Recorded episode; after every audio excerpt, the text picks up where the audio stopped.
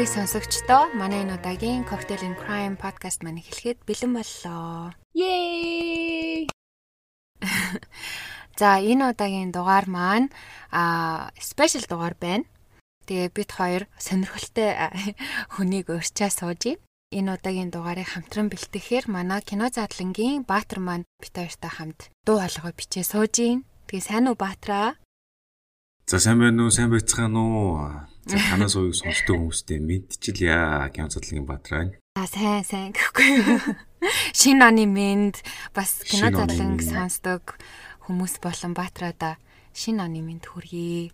А шинэ он хэр байна да гэхгүй. Оны эхний эдөө өдөр. Маш хурлууттай л явж байна. Бүр нэг сарын 3-наас эхлээл бага хурлууд яваал гэж байна. Аха. Тэгээ хэдүүлээ бас уулзааг бас уудсан байна. Монгол ирэхэд нь уулзаа. Хоёртой. Тийш үү. Одоо юу лээ? Сүлд хэдэн сар болж байгаа юм бэ? 8 сарын 20-нд дээр таарлцсан тий. Тийм байна. Тэгээд дахиад хаа нэгтээ таарлах байлгүй дээ. Зарим улсын дунд ч юм уу. Харин тийм. За энэ тухай дараа ярих гэхгүй. Жич яри.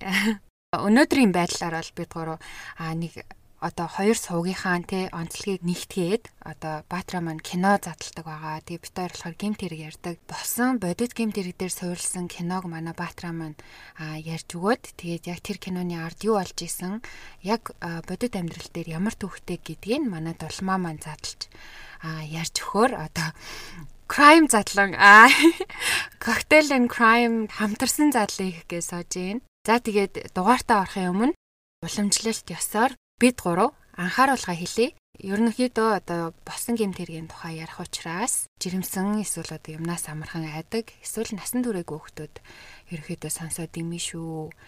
Тэгээд үнэхээр сонсомоор байвал өөртөө араад агаарэ гэдгийг анхааруулъя. За тэгээд бас одоо Cocktail and Crime суугийн маань уламжлалт ёсоор бас коктейльний тухай гурлаа жоохон ярив. Манай Баатра коктейл ер нь уудаг уу? Ер нь алкогольны төрлийн юм хэргэлдэг үү? Хэргэлдэг бол коктейл уудаг уу? Тэг коктейл уудаг бол ямар коктейл уудаг вэ? Алкогольны төрлийн бол баг хэргэлдэг үү? Аа жоохон мэдрэг үнэрлэнгүүд нүүрэн дээр марчаад байдаг. Тэгэхээр баг хэргэлдэг гэсэн үг. Коктейл бол хаяа уун, уухтаа бол сүүлд бол Бако Монголиа гэдэг нэг газар үүдэг тийм найзуудаар очиж нэг ууж исэн. За ерөөдөө бол мохито л ууж исэн юм байна да. Бас яг тийм сайн нарийн мэдхгүй л дээ. Уудаг болохоор. Айгу олон төрөл үүд юм шиг үлээ. Тийм л байна да. Юу манай докотой адилхан юм дуртай юм ш. Доко ч бүр мохитоны мангас шүү дээ. Тийштэй. Тэгээ бас нэг дугаар дээр өмнөх хэдгээр хэлээ дугаар дээр бөөрөл зүнтэй мохито хийцэн байгаа тий. Тэгээд хэрвээ манай сонсогч нар маань Батрагийн маань болон миний дуртай коктейлийг одоо хийж үзхийг хүсвэл тэр мохитотой дугаараа бит хоёроос нь доор дурдчихъя. Тэгээд Instagram хуудас руу ороод хараад үзээрэй. Мохито бол угаасаа амар классик сонголт гэж бодож байна. Амар гоё амттай ямар ч арх марх амтагддггүй гоё зөөлхөө учраас а 100 мөн бас уухад гоё идэх те. Минт энтертэй. Чи нөгөө нэг амар эмзэг гэ тэгээдсэн. Одоо сүүлийн үед тийм юу гарцсан бэлээ штэ. Наалт гарцсан бэлээ штэ. Би дараа очихороо чамд наалт авчирна. Тэгээ хамт ууна за. За. Тэр наалт нь яа тий? Наад юм уу хайши? Аа ингээ гарн дээр наачт юм бэлээ. Уухаасаа өмнө наачдаг. Тэгээд ерөөсөө улаалгадгүй нэг шаарддаггүй гэх юм уу. Гэхдээ энэ зөвхөн нөгөө нэг юм энэ чам шиг юм эмзэг хүмүүс зориулсан байхгүй юу? Аа тийм үү. Тийм тийм шин наалт цаанчин гарцсан бэ гэж ин баатраа. Би бол одоо л дуулж чинь наалт байдгийсэн. Монголд оруулах уу бүгдээрээ? А ер нь бизнес их юм уу? Тэг эмзэгрэл байв шиг гэдэг. За за тоглоомч яах вэ? За окей. За тэгвэл гурлаа шууд кинонд эхлээд оръё те. Ямар кино өнөөдөр ярихаар бэлдсэн байна манай Баатар. За тэгвэл киногийн шууд эхлэе чи. За энэ чинь болохоор одоо юу л юм л да. Lovely Bones гэж байгаа. Тэгээ монголоор бол үзэсгэлэнтэй яснууд гэх юм уу да. Одоо арай жоох хатуу орчуулвал те. Гоё утгачлж орчуулвал арай өөр үг гаргалах л та. За тэгээд энэ бол мэдээж ирэх сая дүүрцэн те а спойлер агуулсан байгаа. Киног нь үзег хүмүүс бол спойлертай байгаа. За дээр нь бас бод гэмт хэрэгээс идэвхлэгдсэн кино байгаа гэж байгаа. За ер нь бол хамгийн анх бол 2002 онд Алис гэдэг хүн бол одоо зохиолч хүн л дээ яг яг энэ ижил нэртэй кинотой ижил нэртэй номыг хэвлэн гаргасан юм байна. За тэгээд тэр зохиолоос санаагаа бичгдээ бол 1980-ад он болон 90-ад оны их үед хүүхдийн хулгай хүчирхийллийн тухай хэрэгүүд Америкт аявих гарч ирсэн юм байна. А тэгээд тэн дээр бод түүхийг сонсоод тэрийг ном болгоо бичсэн юм. За тэгээд ингэж явсараад номыг нь 2009 онд Петр Жексон бол кино болгоо гаргацсан. Гэхдээ мэдээж хэрэг бол 2009 онд кино гарсан гэдэг чинь 1 2 жилийн өмнө зохиол нь бэлэн болоод киноны зураг авах гэдэг нэлээд процесс явагдсан байгаа. Тэгээд найруулагч нэг сонирхолтой ямар юм бэ гэхээр нөө Петр Джексон байгаа. Петр Джексоныг бид нөхөн бүгшний эзэн Hobbit зэрэг кинонууд амар сайн мэднэ. Мань нэр бол одоо ингээд яг тийм үлгэр домгийн акшн кинонуудаас гадна өөр юм нэг тийм бас нэг тийм crime тэгсэн мөртлөө юм supernatural төрлийн юм кино хийсэн байгаа байхгүй. Ягаад supernatural гэж нэхэр энэ нэг киноны зураглал нь аюух тийм байгалийн үзэгдэл ихтэй тэр нэгтээ CGI computer graphic буюу одоо тийм нэг диважин ч юм уу нэг тийм purgatory энтриг харуулж байгаа. Purgatory гэдэг нь одоо нэг өхөл хоёрын голдох завсар гацсан гэдгийг одоо католикоор пургатори гэж ярьдаг байхаа да тийг санаад байна. Тийм ертөнцийг бас харуулад байгаа маа. Ер нь бол киног нь үзэхэд бол маш гоё өнгө тавилт, маш гоё зурагтай. Тийм кино байсан.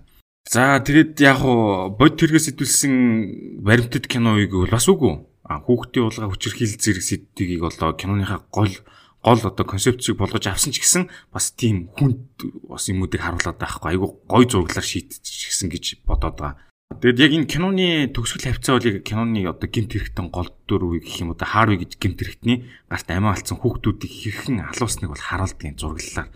Тэгээ хамгийн бага 6 настай байт юм билээ. За тэгээд аа ерөнхийдөө айгүй олон хүмүүс ийм хороосон цуврал алуурч байна. Тэндээс нэг охиныг сонгож аваад одоо энэ киногоо болгоцсон гэсэн киноны зөвхөл. Аа бас нэг сонирхолтой сонсогч ирсэн ийм юм билээ л дээ. Киноны үйл явдлыг ярихаас өмнө бас дурдчихлээ. Дурдъя гэж бодлоо тэр кинон дээр Харви гэж одоо эсрэг дүр гарч байгаа юм л та. А тэрэнд одоо Стенли Тучи гэж одоо жүжигчин тоглосон байхгүй юу? Тэгээд мань нэр бол анх ингэжсэн номноос сэтүүлсэн аллаг гардаг эсвэл баримтат кино тоглох өөр аюу дургуун юм жүжигчин байна. Тэгсэн чинь тэгээ Питер Джексон найруулагч явуулсан зохиол нь үнэхээр таалагдсан учраас саналыг нь зөвшөөрөөд кино тоглосон гэж хэлээ. Тэгтээ кино тоглож байхдаа бол тэр дүрээсээ маш хурдан салахыг хүссэн, одоо гарахыг хүссэн гэж өөрөө хэлчихсэн. Юу нэг аюу дургу хэцүү байсан юм шиг кино зураг авалт үеэр. За ингээд киноныхаа үйл явдал руу орж эхлэе. А юуны өмнө спойлер байгаа гэдгийг дахин хэлье. Ягаад гэвэл хүмүүс комментээр спойлер дуусчлаа гэж аягүй хвчдэг учраас дахин дахин сануулж ирсэн зүгээр хаа гэж бодож байна. За кино ингэж эхэлдэг. Кинон дэр бол намайг Саулман гэдэг яг л яг л загс шиг бүтэн нэргийн Сьюзи Салман гэдэг охины одоо өөрийнх нь хоолоогоор ингэж нэр нь хэлээд юм story telling одоо юм а ярьж эхэлдэг. За тэгээд тэр охин бол одоо ингэж хэлдэг. 1973 оны 12 сарын 6-нд бусдын гарт амиа алдахдаа би 14 настай байсан гэж одоо өөрийнхөө хоолоогоор яриад эхэлж байгаа. Тэр охин бол одоо самсруугаар одоо тэр хүний бай болоод үхвээгүй. Алуурчин бол түүнийг анханасаа ажиглаж түүн зориулж яг бүгдийг бэлдэж а энэ хүн аллагыг төлөвлөсөн байдаг. Охирогч охин маань маш цэрэглэн цоо гэрхаа нэг юм байсан. Гэхдээ яг яг анхаарал нь өөр зүйл зүйл дээр төвлөрсөн үед нь энэ аллаа нь гарсан гэсэн үг л дээ. Тэр нь төвлөрсөн байсан зүйл нь юу вэ гэхээр одоо өөрхийн сургууль шилжиж ирээд удаагүй байсан дээд ангийн залуу болох рэ гэдэг тийм царайлаг нүд хөмсөг болсон залуудыг их одоо крашлаа те нууцаар харж одоо ер нь бол нэг тиймэрхүү дурлалын манан буданд байсан үед нь одоо анхаарлан сарнаад одоо иймэрхүү юмд ороод одоо хогрогч болсон гэсэн үг. Одоо 1973 оны 12 сарын 6-нд одоо тэр залуу нь охиныг бол болзоонд дурсан байдаг. Тэгсэн чинь болзоонд өргөцсөн тэр өдрөө бас харамсалтайгаар ингээд бусдын гарт өгсөн байдгаа. Ер нь юм сонд үхтэй. Киноныхаа үед шүү дээ энэ цаг бол яг боддоор бас өдөр нь зүрсэнгүй би сайн мэдэхгүй юм байна. Ерөөдөө өсөр үеийн гоё хайр дурлалын сценд гардаг тэрэн дээр бол нэг нэгэ крашлаад бас аль алиндаа сайн болоод захиа авчихэд. За тэгээ киноны үзэгдэл шилжээд ерөөдөө хүүтэн хөх өнгөрөө шилжиж кино маань ордгоо. Ерөөдөө бол алуурчин хүссэн зүйлдээ хүрээд охиныг алдсан байдаг алсныг нь бол яг киног үзэж байгаа хүмүүст бол одоо сүүлд нь учир нь тайлэгдэлтэй. Яг кинон дэр болохоор ингээд нэг юм алуурчнаасаа зогтцсон тэгээд өөр ертөнцид яваад байгаа юм шиг мэдрэмж төрдөг. За тэгээд э, хүсэн хүсээгүй ийм зүйлтэй одоо эцгийнх нь нүүр тулдгаа одоо охин өнгөрцөн гэдэг те. А бид бүхэн киноноос харах юм бол үзэгдэл нь бол яг охин нь өөрөө байхгүй гэхдээ өөрөө хөндлөнгөөсөө хараад байгаа юм шиг тийм сэтгэлээр одоо киноны POV те харах өнцгийн тэгж хийсэн байдаг өөрөө байхгүй аав чинь хайгаад байдаг гэсэн мөртлөө өөрөө ингээд эднэртэй уулзч чадахгүй хөндлөнгөөс харагдаад сүнсний яваад байгаа юм шиг тийм мэдрэмжээр киноны дүрслүүд ерөнхийдөө гардаг. За тэгээд охин байхгүй ийм нөхцөл байдалтай ээж нь эвлэрч чадахгүй юу охиныхоо өрөөрөө ерөөсөө орж чаддаггүй.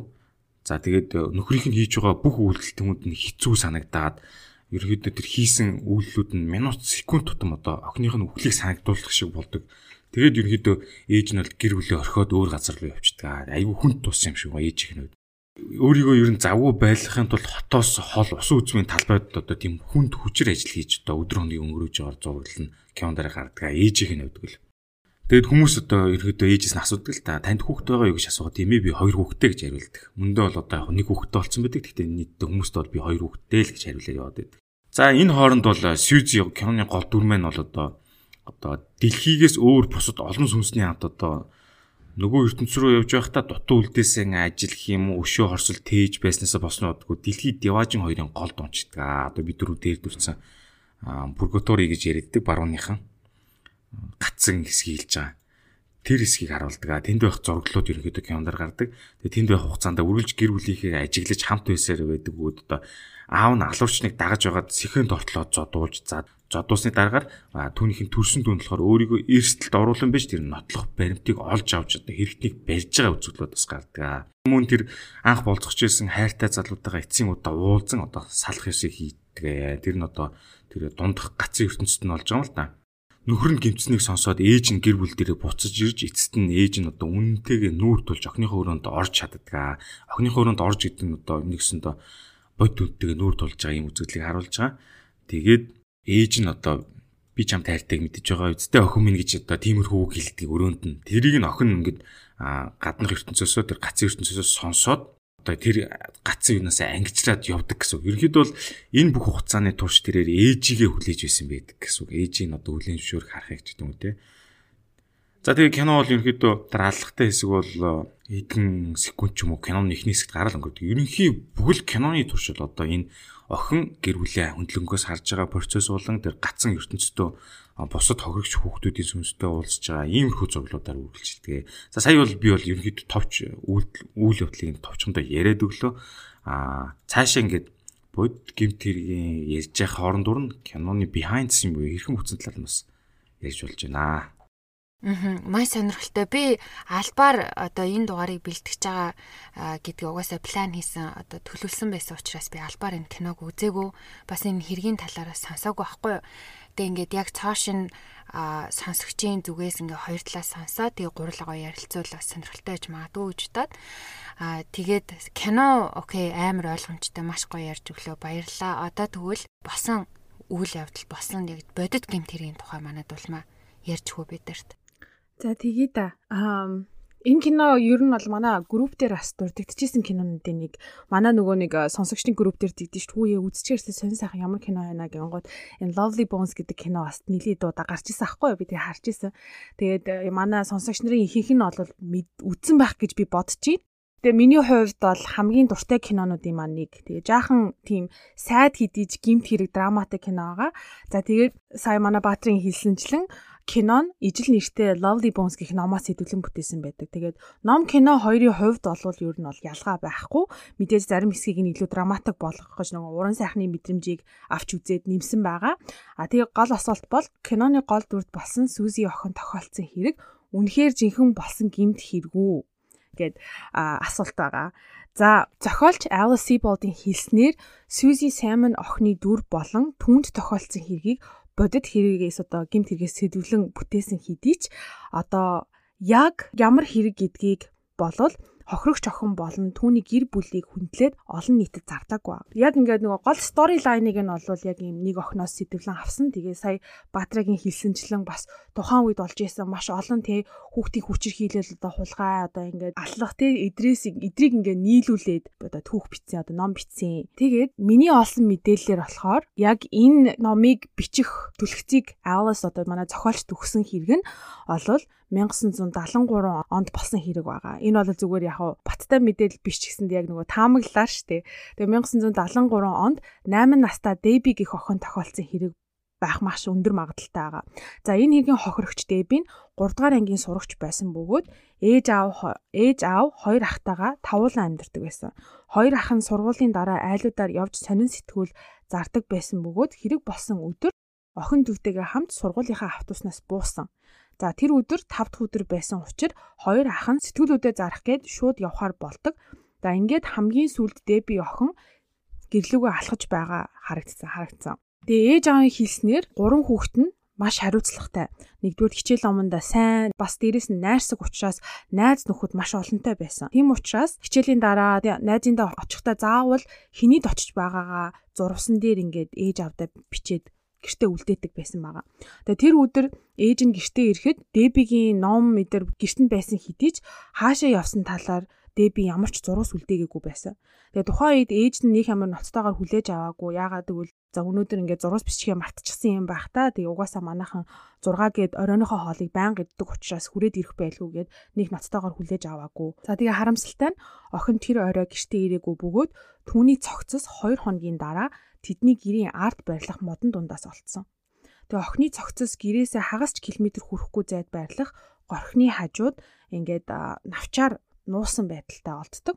Тэгээ мөн цогцыг олоход охин хагас нүцгэн байдалтай байсан бөгөөд түүний хамгийн сүлд өмсөж байсан хар гутал болон цэнхэр дотоож нь хизээж олдоогүй.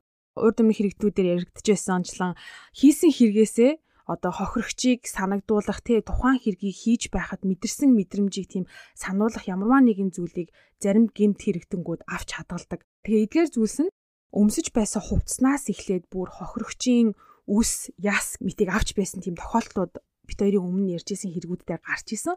Тэгээ түүнтэй адил Деби охины хөнөөсөн хэрэгтэн охины дотоож болон гутлыг авч явсан байх магадaltaй. За тэгээ задлан шинжилгээгээр охин бэлгийн хүчирхийлэл өртсөн мөн үхлийн шалтгаан нь хоолойг нь уцаар боосон гэдг нь илэрдэг. Деби охины хөнөөсөн гимт хэрэгтэн одоо хүртэл илрээгүй байгаа. Аа нөгөө нэг сая кинон дээр гарч исэн гэлсэн шүү дээ. Ээж нь ингээд охиноо явуулж чадахгүй те ингээд нэлээ хугацаа өнгөрсөн гээд ээж аавынх нь өгсөн ярилцлагаас харахад 50 жил өнгөрсөн ч гэсэндээ охиноо одоо хүртэл ингээд сангалзаж явдаг. Тийм учраас охиноосоо холдохгүй тулд тухайн амьдарч исэн хауснаасаа одоо хүртэл нүгээгүй амьдарч байгаа. Одоо хичнээн Lovely Bones номын зохиолч Alice энэ хэрэгээ сэтгэлэн бүтээсэн гэж бүр өөрөө баттай хэлж байгаагүй хэдий ч одоо Деби охины амьдарч байсан хаус тий одоо тэр ямар харагдах кинон дээр Сүзи охины хаус ямар харагдахаас эхлүүлээд хэргийн деталь хүртэл ном кино хоёр маш төстэй байгаа. Тимээс ч одоо бид нар шиг тийм сониуч хүмүүс энэ хэргийг мөнгө идэхт юу нь бол эргэлзэхгүй байдгийн бэлээ. Онлайнаар бол маш олон формууд байдаг. Энэ л баг хэрэг яг ингээд зохиолоо бичгтээ энэ охиныг тойруулж ингэж бичсэн байхаа гэсэн тийм таамагд бол бол байд юм бэлээ. Кинотой холбоотой те гимт хэрэг болвол нэг иймэрхүү. Гэхдээ би энэ дугаарыг бас ингээ бэлдээд судалгаа хийж байхдаа зохиолч эмэгтэй Alice-ийн хувийн түүх маш сонирхолтой санагдсан. Тэгээ юу болсон бэ гэхээр Alice Bolden өөрөө 1981 онд нэгдүгээр курст одоо 18 настай байхдаа сургуулийнхаа кампус дээр халдлаганд өртөжсэн юм билээ. Тэр оны 5 сарын 8-ны өглөө Alice гэрлүүгээ харих гээд сургуулийн кампусын хажууд байх түнэлээр алхаж байсан. Тэгсэн чинь гинэт нэгэн эрэгтэй түн рүү дайрч орилох юм бол алан шүү гэж сүрдүүлдэг байгаа. Тэгээ мэдээж Alice аврал хүсэж одоо орилоход тэр эрэгтэй хутаг гаргаж ирэн дахин түүнийг сүрдүүлсэн. Тэгээ Alice-ийн хүснээс зулгааж газар шитгэхэд Alice толгоогоо цохоод Alice төр хугацаанд ухаан алддаг бөгөөд хэсэг хугацааны дараа сэрхэд итгээд түүнийг хүчрхийлж байсан байгаа. За тэгээд Alice-ийн мэдүүлснээр гимт итгээд Alice-ыг олон төрлийн бэлгийн үйл хийхийг шаардаж байсан ч Alice тухайн үедээ хүнтэй унтаж үзээгүй байсан болохоор яг юу асуугаад юу хүсэж байгааг нь ойлгоогүй. Тэгээ тэр байдал нь гимт итгээдийг дургуг маш их хүргэсэн болтой Alice-ыг хүн дээр зодтдаг. За тэгээд энэ хэргийг тэр даруйд нь цагтаад мэдгдсэн боловч гимт итгээдийг тухайн үедээ олж баривчилж чадаагүй байдаг. Тэгээ мэдээж энэ явдал Alice-ийн сэтгэл зүйд маш хүн дээр нөлөөсөн нь ойлгомжтой. А тиймээс ч одоо ер нь хэрэг болсон газар болох сургуулийн кампус дотор байрнаасаа хол байгээ тэр зунаа зуныхаа амралтыг ээж аав дээрээ өнгөрөөсөн байдаг. Тэгээд 9 сар болоход хичээлийн шинэ жил эхэлж сургууль дээрээ буцаж ирсэн байгаа. Тэгээд хичээл ороод удаагүй байхад хэрэг болсноос 5 сарын дараа сургууль дээрээ явж байхад нь өөдөөс нь алхаж явсан эрэгтэй Alice-ыг хараад хурж ирснээ "Хүү би чамайг хаанаас таньдаг билээ?" гэж асуусан байгаа. Аа тэгээ тэр үед Alice 5 сарын өмнө хүчрхийлсэн эрэгтэй царайг санаанд нь орж ирэн тааралцсан тэр залууга гинт хэрэгтэн мөнгө гэдэгт итгээд цагдаагийн газарт мэдүүлэг өгч цагдаа нар с ิจ гтнийг хайж эхэлсэн. За тэгээ тэр өдөр сургууль дээр Alice-тэй тааралцсан түүнтэй ижилхэн дүр төрхтэй эрэгтэйг сэжигтнэр дуудаж одоо хилтэстээр авчирч лайн ап хийдэг байгаа.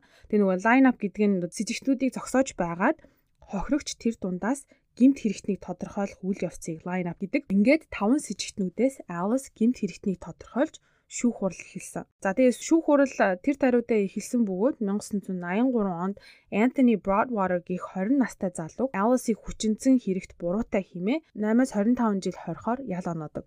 За тэгээ Anthony с ิจ гтнэр хилтэстээр дуудагдсан цагаас эхлэн одоо хүртэл өөрийгөө гин буруугүй гэдэгтээ бол бат зогсдог.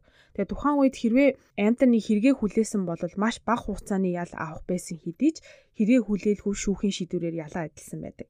За Антони ялаа эдлээд 16 жил хоригдсны эцэст 1999 онд суллагдсан байгаа. Тэгээ энэ бүх явдлын талаар Alice манай зохиолч маань өөрийн намтраа 1999 онд тий Антониг суллагдаг жил өөрийнхөө намтрыг нийтлсэн хэдий ч тийм амжилттай борлуулалт хийж чадаагүй. А харин 2002 онд энэ Lovely Bones гэх энэ номыг бичиж хүмүүс түүний бүтээлүүдийг сонирхож эхэлсэн байдаг. За тэгээд 2009 онд Lovely Bones номноос хэдүүлсэн кино гарч маш их амжилтанд хүрсэн байдаг. Иннээс болоод 3 жилийн өмнө буюу 2019 онд Alice-ийн намтрыг ер нь бол ийм бүрэн хэмжээний кино болгохоор ажиллаж эхэлсэн байгаа. Киноны гүйцэтгэх продюсер болох Timothy Mochianтэй зохиол дээр ажиллаж эхэлсэн. Тэгээ мэдээж нөгөө киноны гол үйл явдал бол Alice-ийн туулсан тэр халдлага хүчирхийлэл учир хэргийн тухай бүх мэдээлэл материалыг хянах хэрэгтэй болдог. Тэгээ мэдүүлгээс эхлээд шүүхийн шийдвэр хүртэлх бүх материалыг продюсер залуу маань уншдаг бөгөөд Alice-ийн номон дээрх дурдсан шүүх хурлын явц цагдаагийн байгууллагын хуулбартай зөрж байгааг анзаарсан. Тэгээ мэдээж нөгөө маш том санхүүжилттай кино учир нөгөө үнэн жинхэнэ түүхийг нь өгүүлэхгүй бол үзэгчдийн дургу хүргэх учраас продюсер маань жинхэнэ үннийг нь олж мэдхийн тулд хувийн мөрдөн байцаагч хөлсөлж авдаг байгаа. За тэгээ хувийн мөрдөн байцаагчийг олж мэдснээр Alice-ийг хүчрхийлсэн хүн Антони биш гэдгийг тогтоодог. Одоо 16 жилийн 6 жил хоригдсан тийм 40 жилийн өмнө болсон хэргийг Антони хийгээгүй гэдгийг тогтоодог байгаа. Тэгээ олсон бүх мэдээлэлээ Антони болон түүний өмгөөлөгч нарт өгч 2019 онд хэргийг дахин нээдэг байгаа. Тэгээ 2 жил гарам одоо шүүх хуралдсны эцэст Anthony Broadwater-ыг гин буруугүй гэдгийг 2021 оны 11 сард нотолж чадсан.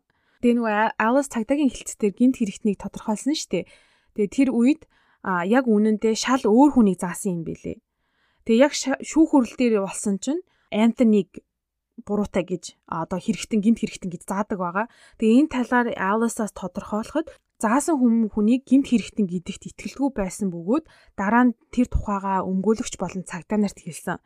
А тэгсэн чинь нөгөө өмгөөлөгч цагдаа нар нь болохоор чи өөртөө ихтгэлтэй байх хэрэгтэй. Чи айх хэрэггүй. Одоо чи энийг ингээд сонгоцсон юм чи энэ залуул хийцэн юм биш үү? Аа тэгээ дээрэс нь угаасаа чиний биенээс олцсон үсийг шинжихэд антинигийн үстэй таарсан. Тийм учраас өөр хүн энэ хэргийг хийсэн байх боломжгүй гэж ер нь бол Alice-ыг шахсаар агаад шүүх хурал дээр одоо Антони гин буруутай гэж заах болсон байдаг. Тэгээ сүүлд олцсон одоо 19 онд олцсон нотлох баримтнуудаас харахад одоо нэгдүгээрт хэргийн газар олцсон үс хэнийгч байх боломжтой. Учир нь хүний ДНК-г үсний ширхэгээс мэдэх боломжгүй гинэ. Заавал үсний ууг байх ёстой. Гэтэл тухайн хэрэг болоход Alice-ийн биенээс олцсон үс нь зөвхөн үсний ширхэг байсан. Тэгээд одоо нөгөө ширхгийн Антонигийн үсний ширхэгтэй ижилхэн байна. Тиймээс за бараг л энэ хийцэн байна дэ гэдэг маягаар одоо хүчээр одоо хэргийг түн тогсон байгаа. Тэгээ бас дээрэс нь эн чинь одоо 40 жилийн өмнөх одоо шинжлэх ухаан технологиг ярьж шít. Тэгээ одооны байдлаар бол үсний ширхгийг ДНК гэж ер нь бол бүрийн хэмжээгээр хүлээж авдаг юм билэ ямар ч боломжгүй заавал тэр уг нь байх хэвээр хэрэг уг байхгүй бол ДНК гэж тооцдог хоёрдугаарт одоо хэргийг шийдсэн байдлаас харахад тухайн үед арьс өнгөний ялгаа маш тод маш одоо их байсан тий. Тимээс цагаан арьстай охиныг хар арьстай залуу хүчрхийлсэн. Тийм болохоор цагдаа нар одоо с ิจ гтэн Антонийг гадуурхаж хэргийг барыг одоо тогсон гэх юм уу да. Арьс өнгөний ялгуурлаар бол энэ хэргийг шийдсэн гэж үзэж байгаа. Тэг мэдээж одоо айлаас тохиолдсон хэрэг бол үнэн тэрийг бол үгүйсэхгүй. Гэхдээ одоо Антони Бравари залуугийн хувьд бол үнэхээр харамсалтай байхгүй. Буруу цагтаа буруу газарт явсноос болж одоо арьс өнгөний гадуурхалтаас болоод амьдралынхаа 16 жилийг алдсан бас 16 жилч гэхгүй бүр одоо 21 он хүртэл тий 39 жил түүний амьдрал маш хэцүү байсан нь бол ойлгомжтой. А яагаад бол нөгөө Америкт бэлгийн хүчирхийлэл үйлдсэн тохиолдолд насаараа sex offender буюу бэлгийн хүчирхийлэгч гэдэг нэрийг зүүдэг байгаа. Одоо ажилд орохдоо ч юм уу, байранд орохдоо заавал тэр одоо sex offender гэдгээ хэлэх ёстой. Яагаад гэвэл одоо амьдарч байгаа орчиндөө ямарваа нэгэн аюул учруулах боломжтой учраас. Тэгээ энэ залуу сая 2 жилийн өмнө а өөрийнхөө нэрийг бол цагаатгаж авсан байгаа. Тэгээ яг нөгөө Lovely Bones киноны ингээд яг түүх яаж Alice тэ зохиолчдод яаж бичсэн гэдэг энэ хэргийн тухай яг бас ингээд баттай 100% амар хэрэг байгаагүй ч гэсэндээ Debbie охины хэрэг болвол мөнгө идэгт бол баг юу хэмдэ нэг эргэлцэхэргүй бас дээрэс нь Alice гэдэг юм зохиолчийнх нь өөрийнх нь энэ туулсан амьдрал бас юу яа одоо сүүлд хүртэл ингээ буруу хүнийг одоо шорон тийгээ хайцсан 16 жил шорон тийгээ хайцсан гэд ер нь бол надад амар маш сонирхолтой санагдаад бэлдээд ярьчлаа. Аа. Тэгээ ийм байна. Баатрагийн хувьд чи энэ зохиолчийн тухай ер нь бол судалгаа модлага хийгээ уншиж ирсэн үү? Үгүй үгүй. Цогцолчиг нь бол сайн мэдгүй харин сая чамаг ярихаар л нэлээд мэдээлэл авлаа л да. Тэгээд киноноос ил баг зохиолчийн юм сонирхолтой болоо явчлаа шүү наа чи. Харин тэр бүр ингэ бодлоо л дгүй. Тэр эргэдэг өмнөөс амар харамсаж байна л да. Яагаад харамсаж байна гэхээр ингээд юм хилсээр хэрэг хүлээсэн тохиолдол бүр айгүй хэд юм билээс эргэдэг хүн зүгээс санамсаргүй байдлаар тэ нөгөө хүн гүтгэцэн байдаг. Тэрнтэй адилхан нөгөө нийгэмд бол одоо нэг оо эргэдэг хүн бол одоо яасан ч яад ингээд хамаагүй зүгээр одоо хэр хүлээлгээс гадна янз бүрийн тулах молох юм бол айгүй их байдаг. Тэр одоо баг мөд эргэжтэйчүүд мэдж байхад зүгээр явчихсны хөтлөө хил хамаар доромжлуулдаг ч юм уу те юу ч болоог байхад буруу ойлголцол юмнууд бол нэлээд байдаг шүү. Бүр хэлмээр санагчлаа тийм хүмүүс эмгтэй хүмүүс юм. Аа. Уучлаарай эмгтэй хүмүүсийн өмнөөс гэсэн үү? Тэгээ үнэхээр нэрээ нэг тийм үл ойлголцол бас яг нэг буруу цагтаа буруу газартаа явж исэн тохиолдлууд олон байдаг тий. Аа зохиолчийг нь бас өөрөө сони юм байна л та. Тэгээ өөрөө хүчрхийлд үрчижсэн хэрэг тэгээд ер нь зохиолуудаа бас тэгж битсэн юм байна. Тэгэхээр а 2021 онд чинь дөнгөж саяхан л шүү дээ. Тэгээ 1 2 жил өмнө баг цагаатсан. Мангар урт үргэлжсэн юм. Тэгээ өөрийнхөө номыг бичснийхээ дараагаар энэ Lovely Bones-ыг бичсэн гэхэр чинь бас хоорондоо бас зөрөөтэй юм байна л да жоохон өөрчлөлт бичсэн юм байна. Би сая яринсан сунгал хүн хүүхдийн тоо, айлын гэр бүлийн тоо төрнөлөг өөрчлөлт бичсэн юм байна л да. Аа. Тийм. Гэхдээ тэр хэрэг бол яг өөрөө бол хэлээгүй шүү. Энэ хэрэгээс болж одоо сэтгэл нь битсэн гэж яг тодтогч хэлээгүй. Гэхдээ нөгөө нэг юм яг судлаа 70-аас 80 оны хооронд Пенсильвани мужид ямар ямар хэрэг гарсан бэ? 14-өөс доош насны ямар ямар охтууд одоо хүчрхийлж ингэж хөнөөгцөн бэ гэдэг одоо хэрэгүүдийг ингээ хайгаа явж байгаа байхгүй юу? Тэгэхэд бол энэ Деби гэдэг охины хэрэг бол бүр маш олон удаа одоо юу юм бэ? Амар деталууд нь амар таарч исэн энэ зохиолын зохиолчийн бичсэн энэ номноос ном кинотой. Тийм болохоор ер нь бол магадлал бол маш өндөр байгаа. Энэ Деби гэдэг охины хэрэгээс бичсэн гэдэг нь. Гэтэ яг мэдээж юу яасан л ахал хохирогч болон түүний гэр бүлийг хүндлээд ингээд дуртахгүй гэж хэлсэн гэсэн штэ. Аа тийм учраас яг нөгөө хүүхдийн тоо тэр мэрийг бол зөрүүлсэн баг. Тийм баха. Яг хөө зарим зүйл нь зориуд угаас одоо чинь би зохиолч байлэхэд бол нилээн өөрчж таарна л таа. Яг мэдээж ирэх гэр бүлийг нь хүндэтгэн гэдэг шиг. Одоо чинь бол яг бодит хэрэг дээр бол эн чинь хэдэн настай гэлээ? Нилээн 10-аас доош настай байсан тийм. 8 настай. 8 настай. Дээр бол эн чинь 14 настай охин гэж гардаг. А нэр нь мэдээж Сүжи Сайлман гэдэг өөрөөр гарсан байдаг. А яг бодит жүжигчин бол 15 настай тоглосон бахад. Эн чинь нөгөө гол дүрийн дээр охин болохоор нөгөө киног үзэл та таних байгаа да хин байгаа дээ. Saoirse Ronan гэж жүжигч юм байгаа дээ. Юунд дээр Америк төрсэн боловч нөө гэр бүл нь Ирландаас цагаачилж ирээд манай өхөн төрөө тэгээд одоо л амар сайн жүжигч байна. Little Woman тэр хүмүүс сайн мэдэх байх л та. Одоо ч Рон ч 28 настай гэдэг чинь кино тоглохдоо 15 тал байсан юм байна л да. Тэгээ тиймэрхүү зүйлсүүд бол мэдээж ирг өөрчлөсөн л байх л та. Зүгээр над кинод юу таалагдсан бэхээр зүгээр тэр visual effect-үүд амар гоё хийсэн байсан байхгүй. Зураглууд нь вау гэж байхгүй. Тэр нөгөө дундын гацсан ертөнцүүдийг бол ингээд CGI-аар ийм гоё дүрслэлтэй гэдэм үү гэж харж ирсэн. Тэгэд гимтэргийн киног амар гоё тийм дулаахан уур амьсгалтай байгалийн supernatural төрөл оруулаад тийм хийцтэй хэрн айгу сонь санагцсан. Питер Джексон найруулж айгу өрөмцөөр гаргасан л гэж би хараад байна. Гоё кино шүү. Манай Докотой адилхан үзээгүй хүмүүсээ л үзээрээ. Доко өнөө орой үд за. Харин тий айгүй сонирхолтой сонсогдож байна. Тэр нөгөө одоо нас орсныхаа дараа ингээд гацсан гэдэг шүү хоёр ертөнцийн донд. Тэр бол угаасаа миний ингээ мөнхийн өөрөөсөө бас ингээд өөрөөсөө ч бахтай одоо ер нь ингээд дандаа ингээ бодогддог сэдв байхгүй хүн ер нь үхээ тайчд юм бол яад юм бол яг тийм зураглалыг ингээ кинон дээр ингээ харах бас амар сонирхолтой байдаг. Янз янзаар харуулдаг штеп Тэгээд үзнэ.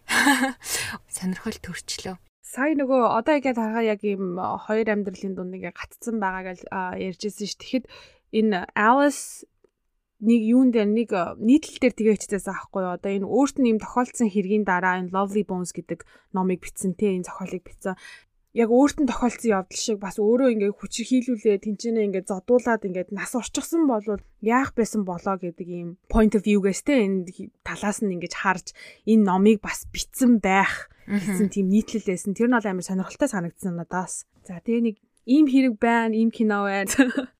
Гэхдээ нэрээ өө нөгөө зохиолчийн маань амьдрал бүр нэрээ Баатраг хэлсэн шиг бараг зохиолоосоо давцсан юм шиг те жихэн амьдрал дээрээ бас айгу сонирхолтой юм болоо явчлаа шүү те. Өөрөө баг гимт хэрэгтэн болчих юм шүү. Одоо тэгээ хүнийг ингээд буруугаар хэлсээр одоо буруу хүнээ таниад тэгээ энэ олон жил хориулсан хүний хувьд ямар нэгэн хариуцлага хүлээсэн байт юм болов? Мэдгүй тийм юм бол байхгүй байсан. Яг одоогоороо бол ингээд олон нийт бол LSC болдод маш ууралчихсан байгаа. Дургу байгаа. Маш олон хүмүүсийн дуртай киног одоо бүтээхэд одоо гол суурь нь болсон хүн гэтэл ингээд яг жинхэнэ амьдрал дээр өөрөө баг ийм муу дүр нь болцохоор ер нь бол амар дургу байлээ. А өөрөө албан ёсоор хилс хэрэгт орсон Антони залуугаас бас уушлалт гуйгаагүй гэх юм уу та. Уушлалт гуйсан нэг юм стейтмент гаргацсан байсан. Гэхдээ тэр нь бол яг ингээд үнэхээр уучлаарай гэдэг бол стейтмент биш. Зүгээр манай тий одоо хуулийн систем чамааг ингэж амар буруутгасанд уучлаарай гэдэг team statement гаргацсан байхгүй. Хой хүнийхээ зүгээс биш. Тий, хой хүний зүгээс биш тий. Тэгээд нөгөө тэр явдалд нь би ингээд мдээгүй оролцсондоо харамсалтай байна гэдэг нэг тиймэрхүү юм бичсэн байсан. Тэгээд өөрөө бас хохирогчийн зүгээс тий. Аа тэгээд а яг уу 21 оноос хойш ер нь бол жоохон дуугаа байгаа юм байлаа олон нийтийн нөгөө сувгаар гарахгүй тэгээ бас өөрийнх нь намтраас сэтвлэн бүтээсэн тэр нөгөө киногийн хүртэл юу яатсан жоп хийцэн одоо хийх тгээгүй болцсон тийм байдалтай байгаа юм билий Тэгэхээр чи наа чинь бас их сонирхолтой байна л та. Юу гэхээр нөгөө а продюсер нь бол ингээд эхлээд юу болсон бэ штэ тий. Дэгийг олсон биз дээ. Гогцоог олоод аа эн чинь юм биш тэгээд тэгээд зардал гаргаад ингээд илрүүлээд продюсерийн ачаар нөгөө залуу сулгдсан байдаг. Аа тэгээд нөгөө талаараа зохиолч нь бас хэрэгтэн болчтой. Тэгээд а би хэрвээ зохиолч болоод ийм хэрэгт оролцсон би зүгээр өөрийнхөө зүгээс бодъё л да. Тэгэх юм бол а одоо чинь манай хэвлэлийн компани ч юм уу тэр зохиол ном гаргаж хэвлэлийн компаниас зөвлөмж өгөх хальта хуулийн фирмээс нь яг өөрөө буруутай гэж хүлээж болохгүй. Хүлээх юм бол бизнес бол энэ номын борлуулалтын цөргөөр нөлөөн, номын чинь буцаан татах мат тийм их асуудал гарна. Тийм учраас нэг иймэрхүү агуулгатай стейтмент гаргачаа гэж баг хэлсэн байхаар санагдаад байгаа байхгүй. Тэ чи юу ч чимээгүй байжээ гэдэг. Тийм байж болох л. Тийм тий. Тэгээ нөгөөтэйгөр бас нөгөө тухайн үед цагдаа нар нөгөө хэрэгээ гяс хаах гад ч юм уу нэг хэрэг ч гэсэн цааш нь оруулах гад угаасаа л ийм бит нотлох баримттай штэ гэд нөгөө хүнээ нөгөө Алисыг шахацсан байдаг нөгөөх нь тухайн үеийнхаа одоо юу гэдэг мэдрэмжээр ч юм уу явсан нь буруутцсан байна. Тэгээд бас яг нэрээ бүр ингээд за чи өстө үнэхээр амар буруутай байна гэд ингээд чичлэх бол айгүй хэцүү юм байна л да. Тийм нөгөө хогорсон залууч гэсэн бас зөрөгтэй байна л да. Нүн илүү жилийн ял авсан ч хамаагүй хэрэгээ хүлээхгүй гүрийгээтэй. Хэрэг хүлээсэн бол тэрийг тагж сөхөхгүй тэгэл хаагдахгүй л дахиж нэгдэхгүй л байсан баг л та бодвол. Аа. За тэр продюсер залууд баярлмаар байна. Харин тий яг хэлчихлээ.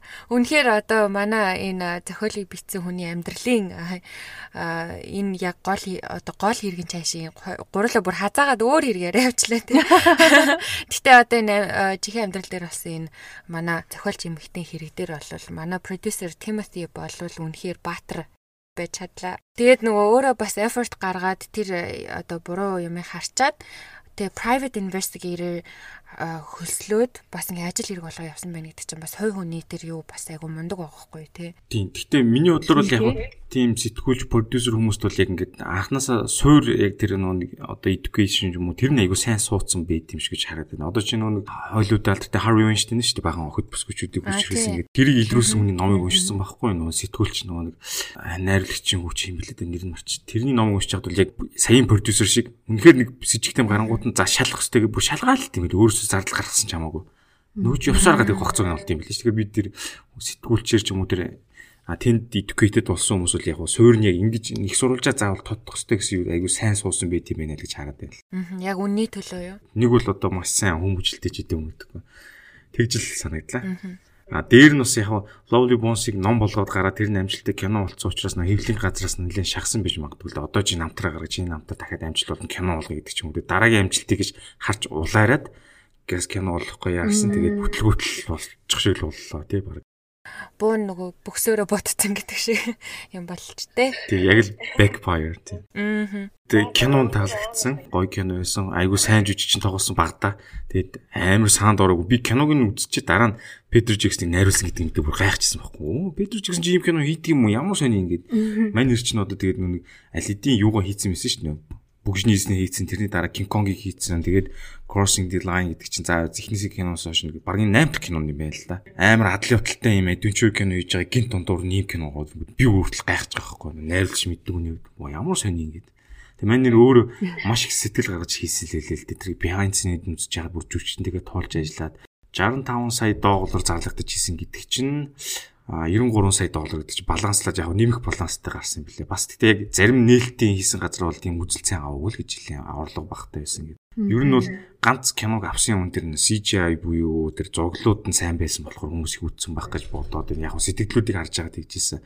А тэгээд нөө Петр Жексэнтэй хамтарч ажилладаг бүгшний эзний бүх одоо тэр visual effect буюу те график хийжсэн Weta Digital гэх Шинзландын компанид бол энэ дээр 100% орж хийсэн Тэр нэг угаасаа хийдэг гэсэн хамт олон учраас да байнга ордог гэсэн компаниудаараа нийлж одоо энэ киноор бол орсон юм билээ. Одоо Педро Жексний хийдэг жанраас бол бүр тэс ондоо болохоор аюу сонирхолтой байсан. Тэгээ нөгөө үзэгчийн хувьд ч гэсэндээ хичнээн нөгөө гимт хэргийн тухайч гэсэндээ одоо тэр аимшигын тэг нөгөө цус нүчтэй тийм амар детальгүйгээр зүгээр хүний мэдрэмжийг амар ингэж өдөөсөн тийм кино болсон байсан. Яг үнэ, яг үнэ. Одоо жишээ нь гимт хэргийн тухай нэг дурдахгүй мөртлөө А зүгээр яг тэр гимт хэрэг гарсны дараах тэр процесс гэр бүлд нь яаж нөлөөлдөг гэдэг бол амар сааруулсан байхгүй тэр талаас нь хүмүүсийн сэтгэл зүй тэр хүүхдээ алдсан дүү ихчээ алдсан хүмүүс одоо тэдний сэтгэл зүй ховрогчийн дараах алган дараах ямар үе цаг үеийг яаж тулдаг гэдгийг харуулж байгаараа онцлог санагдсан.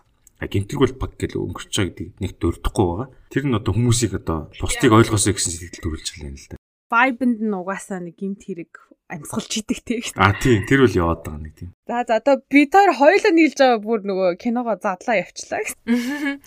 Угаасаа тех гэж л гурлаа сууж штэ. Би бол яг нөгөө үзэгчтэй төлөвлөлөө сууж болохоор надад бол амар сонирхолтой байна. Тоор яриад дээ гэхгүй одоо өөртөө одоо цаашаа өөртөө үзэх хэвээр өөртөө үзчихийж энэ киног мэдрэх хэвээр тэгээ бас одоо тэгээ тэр киноны зохиол яг юу болж байгаа бас тэр ингээд манай продюсерыг хийсэн тэр гоё visual effect effect-ийг өөртөө үзчихийж мэдрэн шүү. Заа юу одоо. Тийм тий яг одоо хангалттай спойлер өгчлөө штэ тий. Яг бодитор кино үзээ тэр зурглуудыг нүдэрээ хараарэ. Гэж лээ да. Окей, за өстө амар сонирхолтой байлаа. Тэгээд энэ дугаарыг бас хамт хийх үү гэж асуухад маш урайлаххан хүлээж авсан Баатраад бас маш их баярлалаа. Оо за бас өрсөнд баярлалаа. Тэгээ танаас үгийнхэнтэй бас таарлаж одоо хоолоогоор мэдчилж байгаад баяртай тэхүүдээ. За за тэгээд манай дугаарыг энэ хүртэл сонссон хүмүүс маань хэн байдаг вүлээ гэсэн. MVP За бүх MVP нартаа маш их баярлалаа. Тэгээд сонсож байгаа платформ болгон дээрээ нэг бол лайк дараарай. Эсвэл одоо өгөөрэй. YouTube дээр сонсож байвал subscribe хийгээрэй. Битээр содохгүй 100 к хүрэх гээд маш их доглоод ингээд тооло хүлээж байгаа шүү. Тэгээд дараа дараагийнхаа дугаар уулзлаа. Түр баяртай. За баяртай удахгүй 100 к хүрээрээ. Баярлалаа.